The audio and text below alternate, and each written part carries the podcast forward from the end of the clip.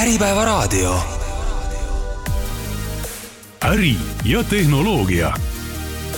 saade valmib koostöös Eesti Infotehnoloogia ja Telekommunikatsiooni Liiduga. tere, Äripäeva raadio saatepäev jätkub saatesarjaga Äri ja tehnoloogia. selle sarja, sarja partneriks on Eesti Infotehnoloogia ja Telekommunikatsiooni Liit, tuntud ka lühendiga ITL. ja seekord see saate osas teeme lisaks koostööd aktsiaseltsiga Unified Post. räägime täna reaalaja majandusest Eestis, mida see tähendab, mida ettevõtetele ja laiemalt ühiskonnale pakub, mida meilt nõuab ja nii edasi. saates osalevad Unified Postis tegevjuht, ühtlasi ka ITL-i juhatuse liige Andrus Kaarelson ning Majandus- ja Kommunikatsiooniministeeriumist innovatsiooni ja targa majanduse osakonna juhataja Sirli Heinsoo. saatejuht on Indrek Kald, Äripäeva IT-uudised.ee juht. Aga alustamegi algusest, et kõik kuulajad ilmselt teavad seda sõna reaalaeg ja samuti majandus aga neid kokku pannes tekib selline, ütleme, uudissõna nagu reaalaja majandus. et ähm, mida see siis endast kujutab? ja no lootus on, et kuna me reaalaja majandusest oleme nüüd juba mm, vast äkki kaks tuhat viisteist aastast alates rääkinud, et äkki see enam nii uudissõna ei ole. aga et oleksime ühel lehel, siis tõepoolest äh, me räägime ettevõtlusandmete jagamisest ettevõtete vahel, aga ka suhtluses riigiga ja võimalikult siis äh, automaatselt see reaalaeg seal tegelikult on selline äh, suhteline mõiste, et äh, kõiki andmeid võib-olla ei ole alati vaja äh, millisekundi pealt. et näiteks äh, mm, majandusaasta aruande andmed võib-olla võiksid tulla natukene kiiremini, et paremaid ja, ja ajakohasemaid ja andmepõhisemaid otsuseid teha äh,. Aga need ei ole, ei pea tulema millisekundi pealt. Äh, kui me räägime näiteks äh, kassas seismisest ja tahan e-kviitungit kiiresti saada telefonisse, noh siis me räägime reaalaegsusest. et selles mõttes on ta üsnagi äh, suhteline mõiste. Ja, ja pigem siis peaks vaatama seda kui ajakohasust ja et millal need andmed loovad ettevõtjale kõige rohkem väärtust mis on siis sellised ähm, praegu kasutuses olevad sellised nii-öelda käegakatsutavad lahendused või näited, noh, siin oli sellest arveldusest natuke juttu või, või niimoodi, aga et meie arved kindlasti on üks nendest. aga mi-, mida, mille järgi veel nagu teatakse, et, et nüüd meil juba selles osas nii-öelda reaal, reaalaja majandus on käes? võib-olla näitena tuua siis äh, kõik need ettevõtjad, kes vajutavad oma majandustarkvaras nuppu saada käibemaksudeklaratsioon otse Maksuametisse et äh, see võiks olla üks näide reaalajamajanduse äh, siis ühest lahendusest, ühest nagu mikrovariandist. Äh, see on üks aruanne, mida me saame lihtsasti esitada, aga meil on nelisada kakskümmend pluss aruannet, mis võiksid sama lihtsasti tegelikult liikuda. ja ilma, et me peaksime nende eeltäitmise peale või kokkupanemise peale liiga palju aega kulutama, et ja need andmed tulevad täpselt just e-arvetest Äh, e-tellimustest, äh, tooteinfost, et äh, igalt poolt jooksevad need asjad kokku ja, ja aruandlus peaks olema võimalikult lihtne riigiga. milline on olnud selline meie teekond Eestis sinna reaalaja majanduse suunas, kas saab tuua välja mingid, ma ei tea, sammud või rajajooned või teisisõnu, kust me need alustasime ja, ja mida me oleme juba ära teinud praeguseks hetkeks? kõige olulisem on ilmselt see, et see on erasektori algatus et see on erasektorist välja kasvanud mõte, ehk siis vajadus on selgelt olemas. kaks tuhat viisteist, kaks tuhat kuusteist see ITL-ist hakkas äh, kasvama ja kaks tuhat üheksateist ta siis liikus eestvedamisele äh, Majandus- ja Kommunikatsiooniministeeriumisse, eelkõige just täpselt sellepärast, et äh, riigiasutus peaks sellist suurt muutust eest vedama ja siis koostöös erasektoriga ellu viima esimese tükina kindlasti ongi kõige küpsem äh, e-arved, aga täna me ikkagi räägime sellest, et äh, e-arved üksinda seda muudatust kindlasti ei too. et me peame mõistma, et e-arvete kasutusele võtmine näiteks algatab täiesti uued teenused, sest meil on väga kvaliteetsed andmed ja, ja just need lisandväärtusega teenused on tegelikult need, äh, mida me äh, siis sihime ka reaalajamajanduse poole pealt, et, äh, et neid teenuseid peaks saama, võimaldama pakku, pakkumist siis nii avalik sektor kui ka erasektori poolt. Muuhulgas ka see, et üks asi on jah, seesama e-arvemislõu ja teistpidi on see info, mis selle e-arve peal kirjas Just, on ja mida saab nii-öelda siis masin lugeda ja tehisintellekt midagi sellega teha ja nii edasi põhimõtteliselt. just et see arve sisu ikka ja semantika on kõige tähtsam. okay, räägime e-arvetest, siin on tegelikult kindlasti natuke ajas küll vähem ikkagi nii-öelda segadus, et mis siis on e-arve ja mis mitte, et ütleme, PDF nagu vanasti mõned arvasid, et on ka e-arve, et siiski ju ei ole. et, et teeme siis nii-öelda need mõisted ka selgeks jaa, nagu Sirl juba ütles, et, et ka tänasel päeval tõesti päris e-arve saatmine on eh, väga lihtne, et üldjuhul on majandus äh, majandustarkvarades olemas see nupp, et saada e-arve. Ja, ja tihti on selle kõrval ka teine nupp, et saada PDF, ehk siis vastus su küsimusele, et see ei ole nii-öelda masinloetav e-arve e ja, ja lõpuks, mis ongi oluline, et et kui lisada selle sissejuhatusele, et, et mis selle reaalajamajandusega kõige suurem eesmärk on ikkagi selline ettevõtete halduskoormuse vähendamine ja tühitöö kaotamine. Ja e-arved on kindlasti üks see teema, mis on andnud kõige suurema võidu ettevõtjatele vastuvõtu poole peal, ehk siis võidab see ettevõtja, kes on juba e-arvete vastuvõtja, kelle finantsprotsessid on automatiseeritud ja kelle piltlikult raamatupidaja ei tegele sellega, et et oksib seda PDF-arvet või paberarvet ümber oma finantssüsteemidesse, vaid nõustab näiteks hoopis juhtkonda juhtimisarvestuse või finantsarvestuse vallas, nii et teeb nii-öelda targemat tööd. kui reaalaja majandus oleks toode, kes oleks toote omanik, kas see on riik, mis arengut taga, tagant tõukab, on see ähm, erasektor, kes nii-öelda peaks eeldatavasti võitma sellest arengust ja kes äh, nii-öelda algatas selle projekti, või ta liikus alguses nii-öelda erasektorist nüüd riigi kätte või? ma tegelikult ei tahaks teda niimoodi üldse liigitada, et äh, minu jaoks on ta äh, kontseptsioon, kuhu suunas me tahame liikuda, mis toob suuri muutuseid kogu ettevõtluskeskkonnas me veame seda koos erasektoriga, ei saa, avalik sektor ei saa ilma erasektorita ja erasektor ei saa ilma avaliku sektorita, et et strateegiline partnerlus on siin hästi oluline. ja noh, näituses, et kui me võtame kas või sellesama aruandluse või noh, reaalaja-majanduses me räägime siis standardiseeritud andmepõhisest aruandlusest, et kui avalik sektor on valmis kõiki masinloetavaid andmeid vastu võtma ja erasektor ei ole neid võimeline esitama, siis me jookseme kokku ja vastupidi, kui erasektor on neid võimeline siis esitama, aga avalik sektor pole võimeline vastu võtma, siis taaskord on see äh, äh, tarneahel katki. Et äh, jah, kahtlemata on see era- ja, erasektori ja avaliku sektori ühine pingutus, ehk siis kogu ökosüsteem peab tegema oma sammud, et riik peab olema võimeline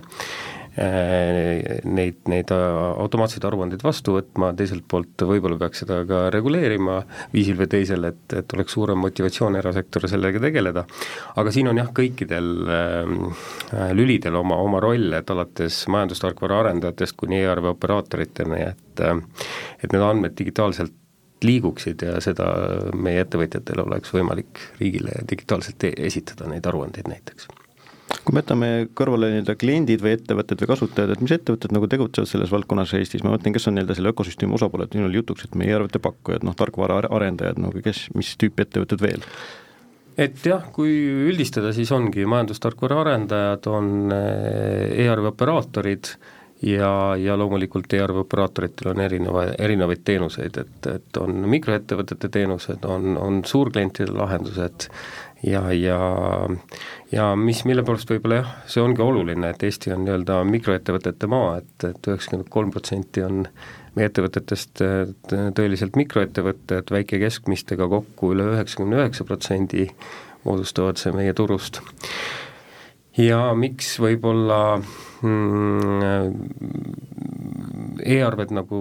Soomes läksid eh, ennem või lihtsamalt liik-, liikvele, kui, kui see on läinud siin Eestis, et just, et Soome keskmine ettevõte on ikkagi Eesti ettevõttest kümme korda suurem ja need kasud, kokkuhoiud nii-öelda ennekõike e-arve vastuvõtul, et sa ei pea neid ümber toksima, sinu finantsprotsessid on automatiseeritud, tulid esile nagu Soome ettevõtetel Soome turul palju kiiremini, et nii et meil on meil on eh, jah, palju, palju nii-öelda pingutamist ja tööd teha, et, et ka kõik, kõik ka väiksemad ettevõtted Eestis tunnetaksid neid, neid kasusid. no see on jah, täpselt niisugune hea äh, vaade sellele, mis on äh, sellise arveldamise või finantsarvestuse sektoris, aga tegelikult reaalajamajandus ei ole ainult finantsandmed, et meil on siin ka mittefinantsandmed. Ja kui sealt vaadata neid olulisi osapooli, siis mm, kui me võtame näiteks logistika ja transpordisektori kus on ka e-arved loomulikult. aga seal on lisaks e-arvetele ka äh, veoselehed, kui me räägime maanteetranspordist. ja täiesti äh, noh, selge suund on sinna, et äh, täna liigub väga palju nendest veos, veoselehtedest paberkujul üle üheksakümne protsendi üle, üle Euroopa, siis äh, Euroopa Liidu ja ka Eesti avaliku sektori suund on koos erasektoriga, et me liigume äh, siis e-veose lehtede suunas. ehk siis selles ähm, Äh, ütleme nii, valdkonnas on äh, ka platvormimajandus on hästi tugev, sest et nad äh, loovad seal täiesti omaette logistika, transpordisektorile sellised andmevahetuslikud platvormid, et neid veoselehe infot vahetada, et et seal on natukene rohkem neid osapooli, aga jah, suures plaanis igas valdkonnas reaalajamajanduse vaatest on keegi, kes tahab andmeid saata, keegi tahab vastu võtta. Ja siis seal on äh, kas tema tarkvarapakkuja, äh, mõni operaator, on ta e-arve operaator või tulevikus, ma ei tea, e-kviitungi operaator või mingi mõni muu operaator. Ja seal võivad olla ka need platvormid vahel kus siis näiteks aruandluse puhul seda platvormi osa täidab tegelikult X-tee äh, avaliku sektori poolel Eestis nagu raadiokuulajana natuke ma hakkan praegu mõtlema, on see nagu kentsakas kuulda, et kui me teame, et nii-öelda paberivaba valitsus, vist Mart Laari teine valitsus on enam-vähem veerand sajandit tagasi Eestis ära tehtud. kui tuldi välismaalt vaatama, kuidas nagu tõesti valitsuse istungil on ka ainult arvutid ja, ja mingid paberid eriti ei liigu, ja nüüd on siis aastakümned möödas ja siis on, nagu sa ütled, mingis sektoris üheksakümmend protsenti või rohkem käib jätkuvalt paberi peal, kuigi noh e, e-lahendused oleks ju tegelikult väga lihtsasti kasutusele võetavad. no jah, nii palju sinna transpordisektorisse praegu kinni ei taha jääda, aga nad on paberil, sest et seal on lihtsalt nii palju erinevaid osapooli. Et alustades seda enam, seda enam, seda lihtsam peaks olema ju kõike seda liigutada. mis, mis teeb selle keerulisemaks, seda hästi ruttu digitaalseks viia, et et küsimus ei olegi selles, et kas ma viin need veoselehed lihtsalt digitaalsele kujule ja näitan neid sellele, ma ei tea, politseile tee ääres oma veokist või noh, siis veokijuht näitab oma veokist kas nutitelefonist või ta näitab neid pabereid, et sellel tegelikult ei ole ju sisulist vahet. et küsimus on selles, et kas selle näite puhul, kas see veok üldse peatatakse kinni või see politsei saab selle info sealt päringute kaudu kätte, aga sinna võib-olla nii kinni ei jääks praegu võib-olla lisakski, et see halduskoormus ei, ettevõtjatele ei pruugi alati paberist tulla, et mm, -hmm. et, et meil on täna siin rääkides aruandluskohustusest alates Maksuametist, Finantsinspektsioonist, Eesti Pangast ja nii edasi ja nii edasi, eks ole, kümneid ja kümneid aruandeid, mida ettevõtjad peavad esitama nii et noh, mis mina eh, hästi oluliseks pean selles reaalajamajanduse visioonis ja kus on ka tänase valitsuse tegevusprogrammis välja toodud ja nüüd ka uues MKM-i nii-öelda majanduspoliitika eh, põhimõtete dokumendis, et eh, et eesmärk on ikkagi seda halduskoormust, aruandluskoormust ettevõtjatele kakskümmend viis protsenti vähendada ja ja see on see, mida, mida kindlasti iga ettevõtja ootaks ja see võit ja halduskoormuse langemine saab ikkagi ennekõike tulla läbi aruandluskoormuse automatiseerimise, et see, et neid aruandeid palju vähemaks jääb, mul isiklikult väga palju usku ei ole, mõeldes nagu e uutele jätkusuutlikkuse või ESG nõuetele või, või rahapesu nõuetele, kus uued raportid tulevad, aga siiski need peaksid toimima võimalikult automaatselt. jah, ja siin on kindlasti kaks poolt siis, et tõsi, kakskümmend viis protsenti on eesmärk seatud, peamine rõhk seal on ajal ja mitte ainult äh, andmete või aruannete esitamise ajal, vaid siis ka nende kokkupanemise ajal, mis on tegelikult kõige suurem äh, ajaline maht. Äh, aga siin on kaks poolt. üks asi on see, mis avalik sektor saab ära teha sellega, et kaotada ära dubleerivad andmeküsimised, ehk siis minna ühekordsete andmete küsimise printsiibiga edasi aga teine asi on nii avalikus kui erasektoris äriprotsesside reorganiseerimine. et, äh, et äh, need äriprotsessid tuleb vaadata üle, kuidas me andmeid küsime, kuidas me andmeid esitame ja kuidas neid siis oleks mõistlik tuleviku vaates teha ja kuidas neid peaks automatiseerima. et see automatiseerimine on nagu justkui see viimane samm, et ennem tuleb teha ära see põhjalik kvaliteeditöö mõlemal poolel. avalikus sektoris me täna toimetame sellega nii, et meil on kokku on kolmkümmend kaks asutust, kes aruandluskoormust ettevõtjatele esitavad ja nendest kakskümmend on siis täna ametlikud äh, Äh, ütleme nii, juhtrühma liikmed, kes, äh, kes siis istuvad koos laua taga iganädalaselt ja äh, vaatavad aru, seesama nelisada kakskümmend aruannet, vaatavad aruanne aruande haaval üle, kes küsib, näiteks kui minul on üks aruanne minu vastutusalas avaliku sektori asutusena, siis mina vaatan üle, et kes veel küsib samu andmeid nagu mina või osaliselt samu andmeid. siis me võtame omaette väiksema grupi kokku, analüüsime läbi, mis on dubleeriv, kuidas saaks neid äh, dubleerivaid osasid äh, ühiselt nimetada, mida me ettevõtja käest küsime, sest et seal on, see võtmeosa on just see, et mina küsin natukene teistmoodi kui sina ja, ja äh, aga ennem, kui me hakkame standardiseerima seda, mida me küsime, me peame hindama, kas see, mis me küsime, on päriselt see, mida me vajame või on see kuskil õigusaktides või, või, või mingisugustest vanadest äh, nõuetest või, või soovidest äh, nagu kuhugi noh, nii-öelda jäänukina sisse jäänud. et või saame me kuskilt mujalt need andmed tegelikult kätte, et et see äh, minimaalsusprintsiip tuleb seal eespool nagu läbi töötada, et me küsime nii vähe kui võimalik ja ainult nii palju kui vaja. ja siis me jõuame selleni, et me standardiseerime need andmed ja siis me jõuame selleni, et me vaatame üle äriprotsessid. et Maksuameti näitel nad seal äh, praegu kõvasti äh, analüüsivad, et kuidas seda äh, käibemaksudeklaratsiooni esitamist ja ka tulu- ja sotsmaksu deklaratsiooni esitamist tulevikus nagu täiesti ettevõtja vaatesse lükata, seda äriprotsessi, mis on noh,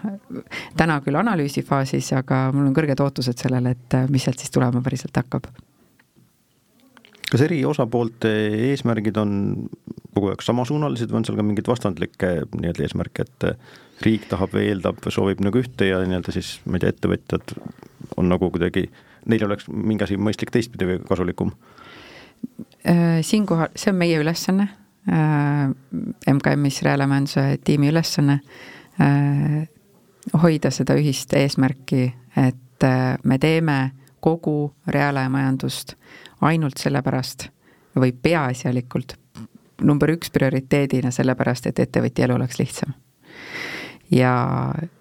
äh, vahel peab selgitama, et asutuse halduskoormus ka väheneb või võib väheneda, aga number üks on ikkagi ettevõtja halduskoormuse vähendamine. et seesama äriprotsesside kaardistuse juures ka, et et esimene küsimus on alati, kuidas ma pean oma asju üle vaatama selleks, et ettevõtjal oleks asi lihtsam et seda aeg-ajalt tuleb meelde tuletada, aga, aga iga päeva, nädala, kuuga aina vähem avalikus sektoris. ja no ma arvan, et erasektoril selle vastu midagi ei ole, kui me surume seda otsa, et, et ettevõtja elu peab olema lihtsam, et pigem on see niisugune avaliku sektori ühise eesmärgi hoidmine ja see on, ma ütleksin, et see on üsna hea või ütleme nii, pigem isegi nagu väga hea liikumine, et tihtipeale nendes aruteludes ka, et et me arutame ja, ja, ja vahest ka vaidleme palju, aga meil kunagi ei unusta ära seda, miks me seda teeme, et, äh, et äh, sünergia on väga hea. kui see reaalajamajanduse nii-öelda kontseptsioon või, või projekt hakkas kunagi ligi kümme aastat tagasi ITL-ist ehk IKT sektorist pihta, siis mis on praegu nagu ITL-i ähm, roll selles reaalajamajanduse kontseptsiooni või projekti arengus? Jaa, et äh, esmalt me soovime loomulikult olla nii riigile kui MKM-ile hea, hea partner, aga ennekõike jah, et meie liikmed on, on äh, majandustarkvara arendajad e, e-arve operaatorid ja ma usun, et see edulugu, mis on Eestil ikkagi olnud e-arvetele üleminekul, äh, võib öelda viimane vii-, viisteist aastat, äh, on, on paljuski ITL-i ja tema liikmete töö ja äh, olgu siis öeldud, et äh, siin äh, eelmine nädal veel tuletasime, meenutasime kümne aasta taguseid sündmuseid, kui Eesti läks nii-öelda üle eraisikute e-arvetele ehk tuli eraisikute püsimakselepingud, mis on tegelikult täiesti unikaalne teenus, võib öelda ka globaalselt, sellepärast et nii suurt eraisikute e-arvete osakaalu Eestis tõenäoliselt ei ole, et, et, et et järgmisena ongi võib-olla nimetada Läti ja Leedu, aga, aga võib julgelt öelda, et kolmandik või isegi kolmandik pluss eraisikute e-arveid võetakse täna Eesti internetipankades vastu ja ka tasutakse seal aga järgmine suur samm koostus riigiga loomulikult viis aastat tagasi, kaks tuhat üheksateist, kui eh, nii-öelda muutus eh, avalikul sektoril esitatavad e-arved kohustuslikuks, nii et see on lükanud tegelikult ka sellise B2B eh, või äriettevõtete vahelise arvelduse ikkagi selgelt liikuma e-arvete poole. Ja siin sügisel kuulsime palju, palju huvitavaid mõtteid ka selles osas, kuidas eh,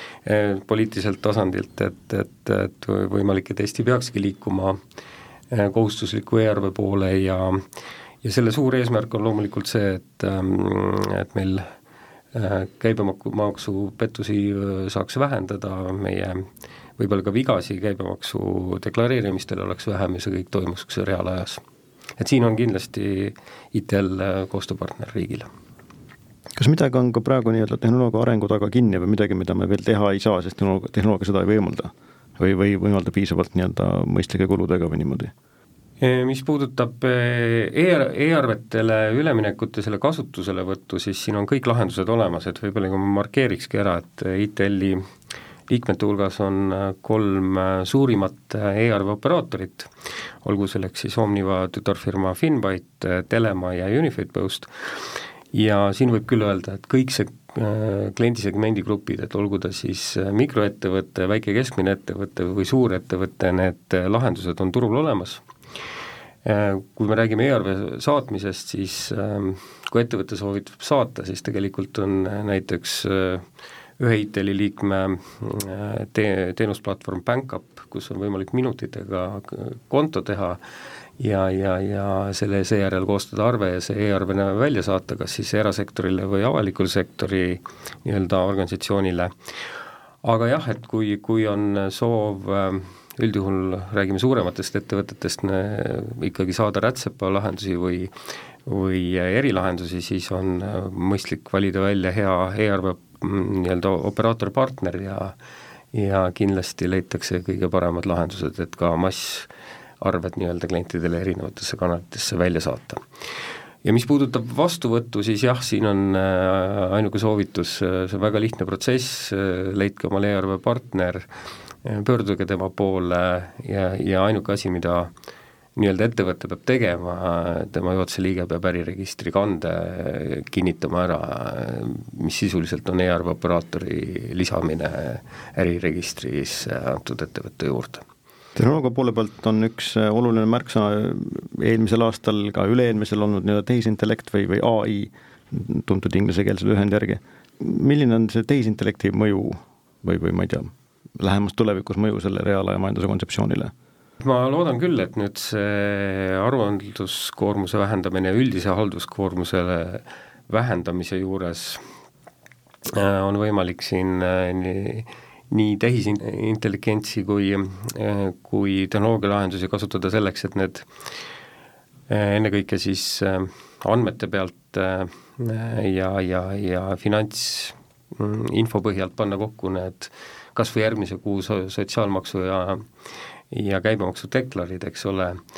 Sirli küll ütles, et need on kõik täna olemas ja nii ta ongi, et sõltub küll natuke raama, raamatupidamistarkvarast,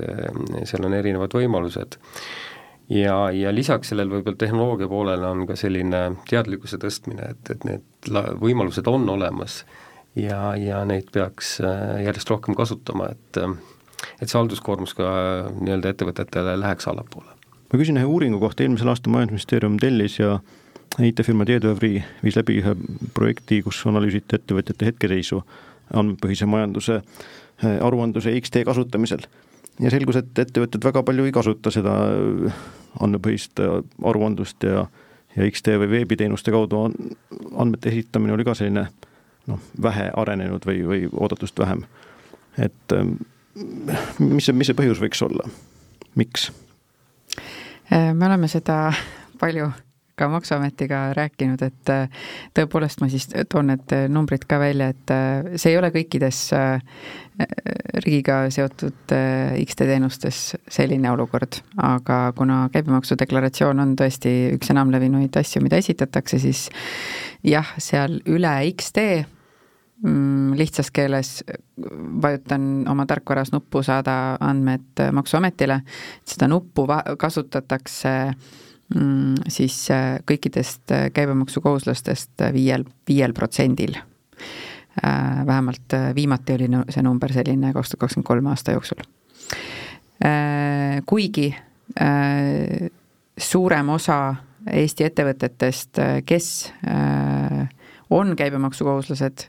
kasutavad äh, mingit sorti tarkvara või oma raamatupidaja kaudu on siis kuskil tarkvaras sees ja need käibemaksudeklarid äh, sedakaudu esitatakse.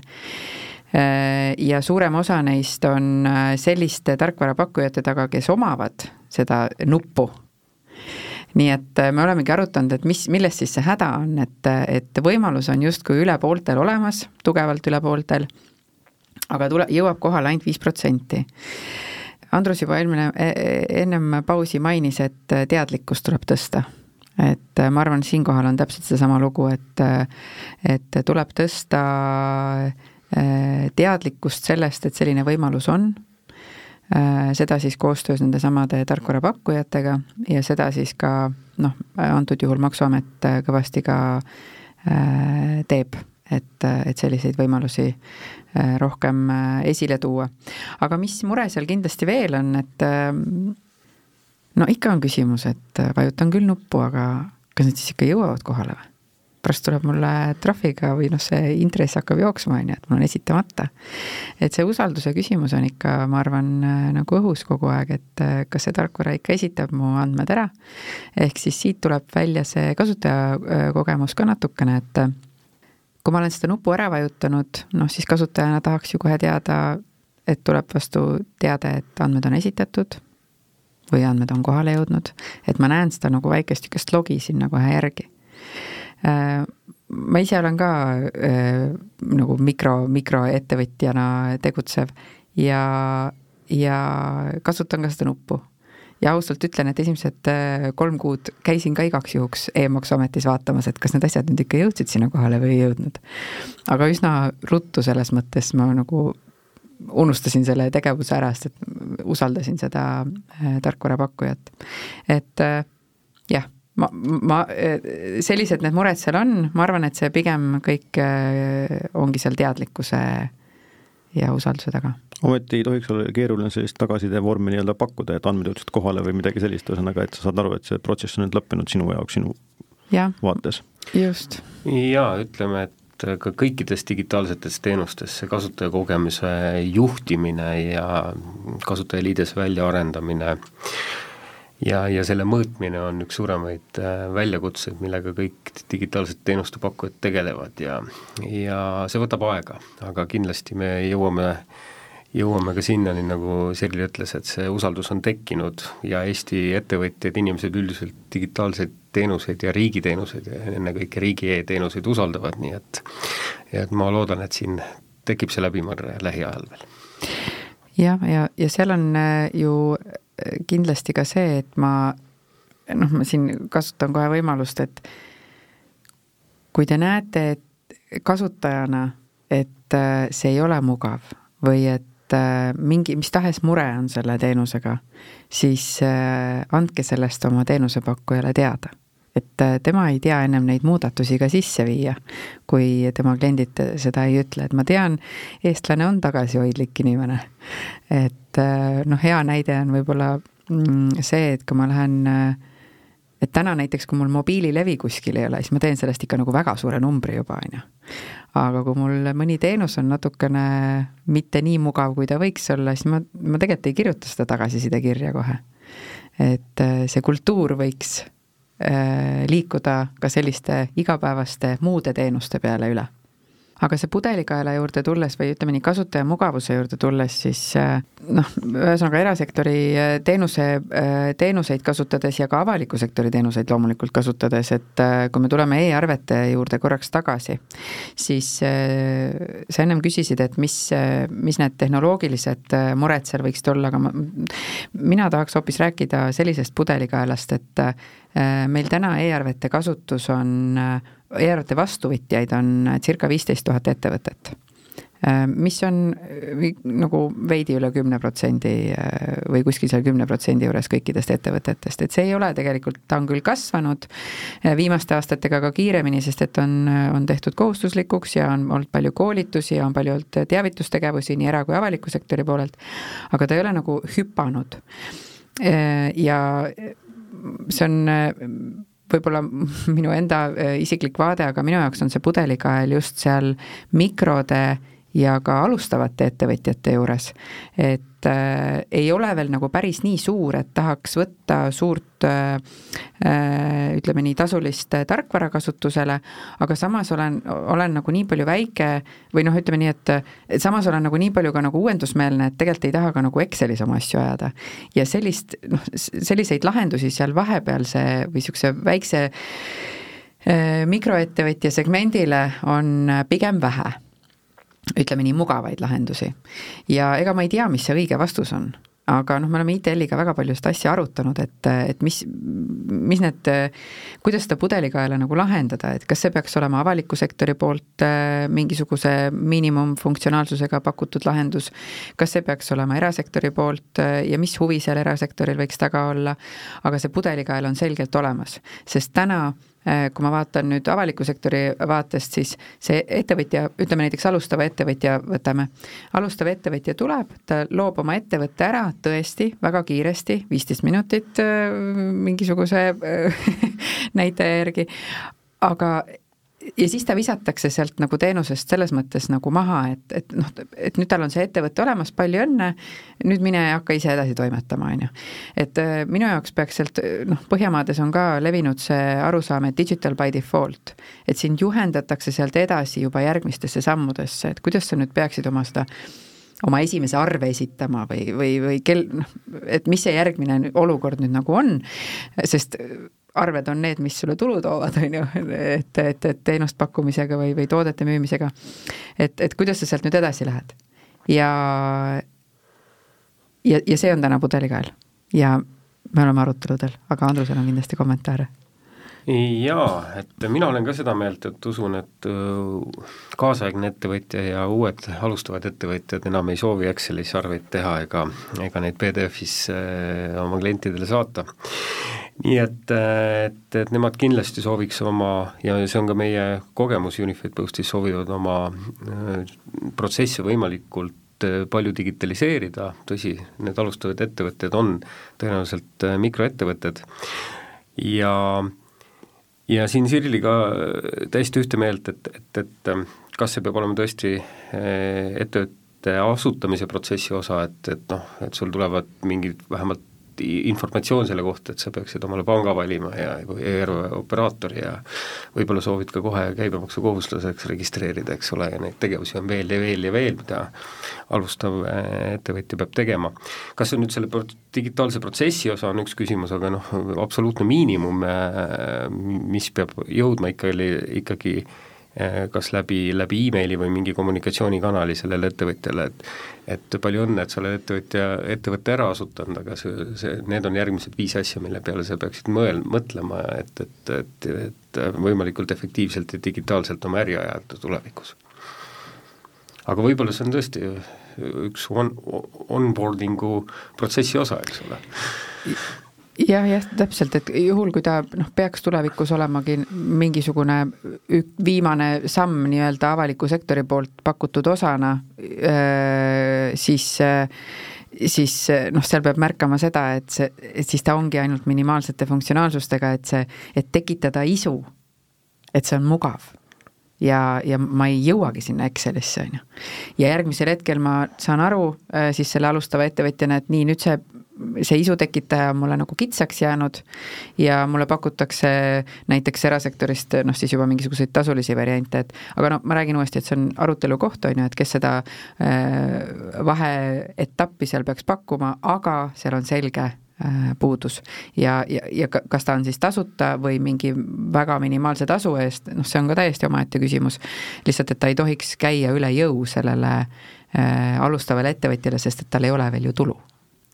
jaa, ja tahaks ka üle rõhutada, et kui räägime siin e- e-arvete saatmisest ja vastuvõtmisest, siis absoluutselt nõus, et alustavale ettevõtjale päevast üks kulu endale peale ei taha, nii et võin ka siin kinnitada, et, et BankUp teenus on selline, kus on viiskümmend arvet aastas, on tasuta, on võimalik neil oma klientidele saata või vastu võtta, nii nagu parasjagu alustava ettevõtja vajadus on. Ja hiljem, kui tal juba on kas dokumentide arv, arvete arv suurenenud, või on mingid äh, maksevajadused, lisaväärtusteenuste vajadused tekkinud, saab ta valida sobiva siis nii-öelda tasulise paketi, et kas aruteludes on olnud ka mm, nii-öelda kohustuslikkuse variant, et nii nagu nii-öelda riigi eeskujul mingi aja pärast, ma ei tea, aasta, kahe, kolme, viie aasta pärast nagu tea-, teavitada, et läheb kohustuslikuks mm? -hmm. Äh, täna kehtib äh, seadus, mis ütleb, et avalikule sektorile on kohustus esitada e-arveid Äh, küll aga on täna tõesti äh, selline seaduseelnõu või seaduseelnõu muudatus, muudatuseelnõu äh, siis olnud arvamuse andmiseks ka ITEL-is ja, ja laiemalt, et et muuta raamatupidamisseadust viisil, mis annab nendele samadele väike- ja alustavatele ettevõtjatele näiteks võimaluse nõuda e-arvet, õiguse nõuda e-arvet. Et sellega me natukene toetame ka sedasama digital by default, et kui ma juba olen teinud otsuse, et ma ei toimeta PDF-is ja email-induses, siis äh, ja ma tahan ja mu partner on suur ettevõte, äh, kes nõuab mult äkki hoopis PDF-i, mis on ka tänane halb praktika olnud, siis äh, minul on õigus tulevikus nõuda seda digital by default ka oma partneritelt mis on tulevik?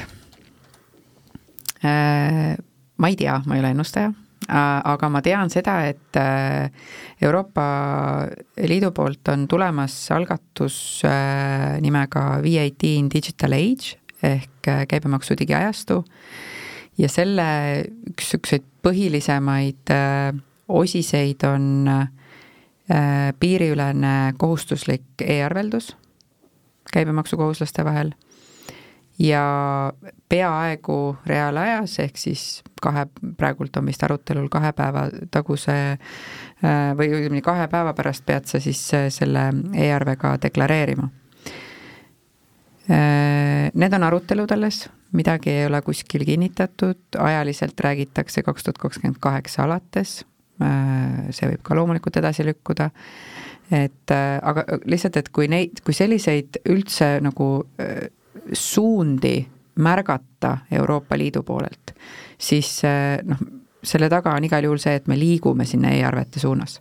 me oleme väike riik ja siin tekib kindlasti avaliku sektori poolel ka küsimus, et kui, kui Vida, Vida on siis see lühend, kui Vida tuleb sellisel kujul, nagu ta täna on arutelul, ehk siis eh, kohustuslik e-arveldus piiriüleselt, siis meil väikse riigina äh,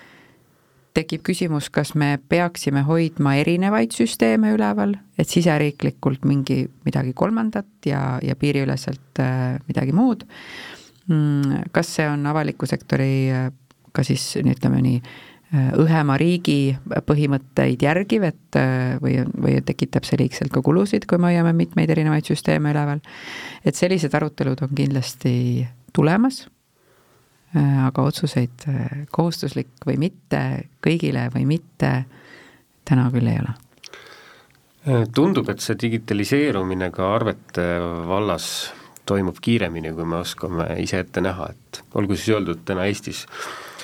paberarvet on alla kümne protsendi, kuskil kaheksa-üheksa protsendi kanti ja on, on täiesti selgelt lähiaastatel kahanev ja kaduv nähtus.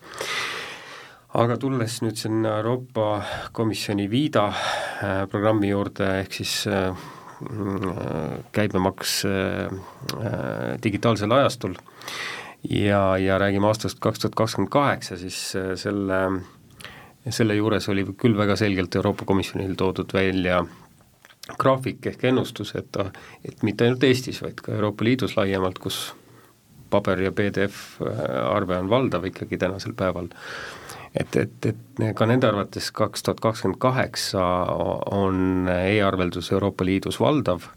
ja isegi PDF on kaduv nähtus. nii et võimalik, et me Eestis jõuame sinna olukorda, kus e-arveldus ka loomulikul kujul, nii nagu Sirli viitas, ehk meil tekib järgmisest aastast või kõigil ettevõtjatel tekib õigus küsida e-arvet, jõuame sinna, et võib-olla juba kakskümmend kuus, kakskümmend seitse äh, on, on, on jah, domineeriv e-arve ja PDF on, on selgelt äh, vähenev, vähenev arvetüüp. nii et jaa, et kindlasti see toob suuri muutusi ja, ja ma tahaks veel seda markeerida, et et ITL koos oma liikmetega, ERV operaatoritega ja kindlasti ka majandustarkvara arendajatega kannab selle eest hoolt, et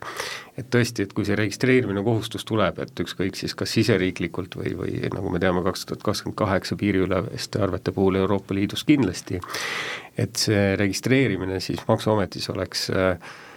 või riigi mis tahes institutsioonis äh, oleks, oleks automaatne ja kindlasti me ei taha ettevõtjale täiendavat koormust, et, et sa pead kahe päeva jooksul nüüd tegema ekstra sammu selleks, et see ära registreerida mm., nii et nii et äh, see on ikkagi jah, ennekõike ITL-i liikmete ülesanne välja arendada sellised automaatsed süsteemid, et et seda peavalu ei väiksemale ega suuremale ettevõtjale ei tekiks üks kommentaar veel siia juurde, et see õigus nõuda osa seal seaduses ei ole kindlasti, me ei ole esimesed, kes sellist asja seaduslikult äh, siis soovivad äh, sisse viia. soomlased on meist varem seda juba teinud äh,. me täna teame, et Soomes on e-arvete maht üle üheksakümne protsendi kõikidest arvetest. Neil ei ole kohustuslik mitte midagi et, et see on näidanud nagu positiivset trendi et nemad läksidki kohe selle õigusnõude peale ja küll aga nad täna arutavad võimalust, et kas kü-, viimase kümne protsendi kaasamiseks peaks selle kohustuslikkuse panema, et et äh, kindlasti õpimoment äh, põhjanaabritelt. kui Soomes on see protsent üheksakümmend, siis Eestis on? kuskil seal ütleme nelikümmend, nelikümmend pluss protsenti võiks öelda, et koos eraisiku pangaarvega on nii-öelda e-arved, et mm. -hmm. see on, need on jah, meie ITL-i ja MKM-i ühiste arvutuste tulemustel, aga noh, need on üsna sellised äh, hoomamatud arvet, arvutused, sest et äh, ega me saame ju äh, baasaluseks võtta ainult need tuhandeeurosed arved, mis meil on. et kõik, mis selle, alla selle jääb, noh, me ei tea, on ju, et, et need numbrid tulevad sealt, aga kui ma vaatan Euroopa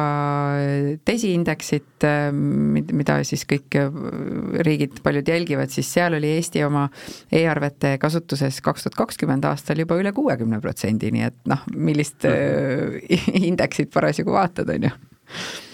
Kuivõrd pakub Eesti riik ähm, toetusi ettevõtetele erinevate reaalajaslahenduste arenduseks ja kasutuselevõtuks? Äh, jah, pakub, äh, küll aga püüame hästi nagu sihipärastada, et et et, et kiirendada seda üleminekut. Ja, ja üks asi on äh, nagu võib-olla niisuguse, niisuguse baashügieeni osa täitmine, et äritarkvara või äh, mingisugused arendused või, või, või e-arvete kasutusele võtmine ise, see on nagu üks osa, aga me pigem tahame seda fookust panna äh, piloteerimistele et äh, võtta seda riski natukene ettevõtjalt maha, et uusi neid noh, nii-öelda uusi teenuseid nagu andmepõhine aruandlus näiteks, äh, ka näiteks siis keskkonnaaruandluse pealt, äh, et, et neid piloteerida natukene väiksema riskiga, siis selliseid toetusmeetmeid me tõepoolest anname küll. EAS-i ja KredExi kaudu siis. Kui palju on Eestis uuritud reaalaja majanduse kasutuselevõtuga kaasnevat ähm, kasu või, või, või mõju? Äh, oleme, äh, kõigepealt äh, kaks tuhat kakskümmend oli mõjuanalüüs viie lahenduse peale ja sealt siis kõige märgilisemad olid e-arved ja tegelikult põllumajandussektor kus me siis täna ka oleme oma fookuse tegelikult sisse pannud e. E-arvete puhul äh, maksumaksja säästab aastas äh, hinnanguliselt sada miljonit selle mõjuanalüüsi järgi ja, ja see on nüüd hästi oluline mõiste, et, et seal on siis nagu see säästu moment. aga põllumajanduses oli selgelt toodud kakssada miljonit tulu välja sest kui kasutada satelliidiandmeid ja seal panna kõik süsteemid omavahel kenasti tööle reaalajas, siis ähm, tegelikult sellel äh, põllumajandusettevõttel tekib olukord, kus ta saab äh, siis nii palju kokku hoida, et sellest tekib oluliselt suuremat tulu automaatselt. sest kui me räägime lihtsalt e-arvete kui säästumomendist, siis ega me ju tegelikult ei tea, mille jaoks see ettevõtja seda säästetud raha lõpuks kasutab, et kas ta kasutab seda tulutoovalt või mitte, aga põllumajandussektoris oli just see tulumoment ka seal sees väga, väga positiivne. ja andmepõhise aruandluse vaatest oli siis eelmise aasta analüüsi tulemustel analüüsiti kolme põhitek-, aruannet Äh, käibemaksudeklaratsioon, TSD, tuluseltsimaksu deklaratsioon ja majandusaasta aruanne ja kui need äh, viime nüüd nii-öelda andmepõhise aruandluse põhimõtetele, äriprotsessid äh, muutuvad automaatseks ja kõik, kõik, kõik on tulevik ideaalne, siis on sada kolmkümmend kaks miljonit ettevõtjale ja üks koma seitse äkki oli riigile. et, et see ettevõtja on ikka jätkuvalt nagu maks fookuses lisan veel seda, et jah, et see ka küsitlus, reaalne majanduse küsimustik, et millised need kasud on, et meie, ka meie ettevõtjad näevad, et see raha ja aja kokkuhoid on kõige suurem, et siin kaheksakümmend üheksa protsenti olid nõus, ja sealhulgas on ka need, see aspekt, et, et, et see protsessi digitaliseerimisel sul ei teki inimlikke vigu, et kas sa lööd selle arve valesti raamatupidamissüsteemi või, või kaotad selle arve ära ja, ja avastad mitu kuud hiljem kuskil spämmi hulgast näiteks et, et, et, et see väldib selliseste vigade tekkimist või kaduma minekut tekkimist protsessis ja, ja siin võib-olla ongi see, et miks see Soome edu on, et tõesti, seal on ettevõtted kümned korrad suuremad, et see võit ja kasu ja kokkuhoid on seal kümme korda suurem, aga samal ajal seaduse, seadusandluse poolt nad toetasid seda, et, et, et, et tekkis ka õigus küsida seda arvet, seesama, mis on nüüd Eestis loodetavasti kahekümne viienda aasta algusest eh, tekkiv, tekkiv võimalus küsida oma, oma nii-öelda tarnijatelt e-arvet.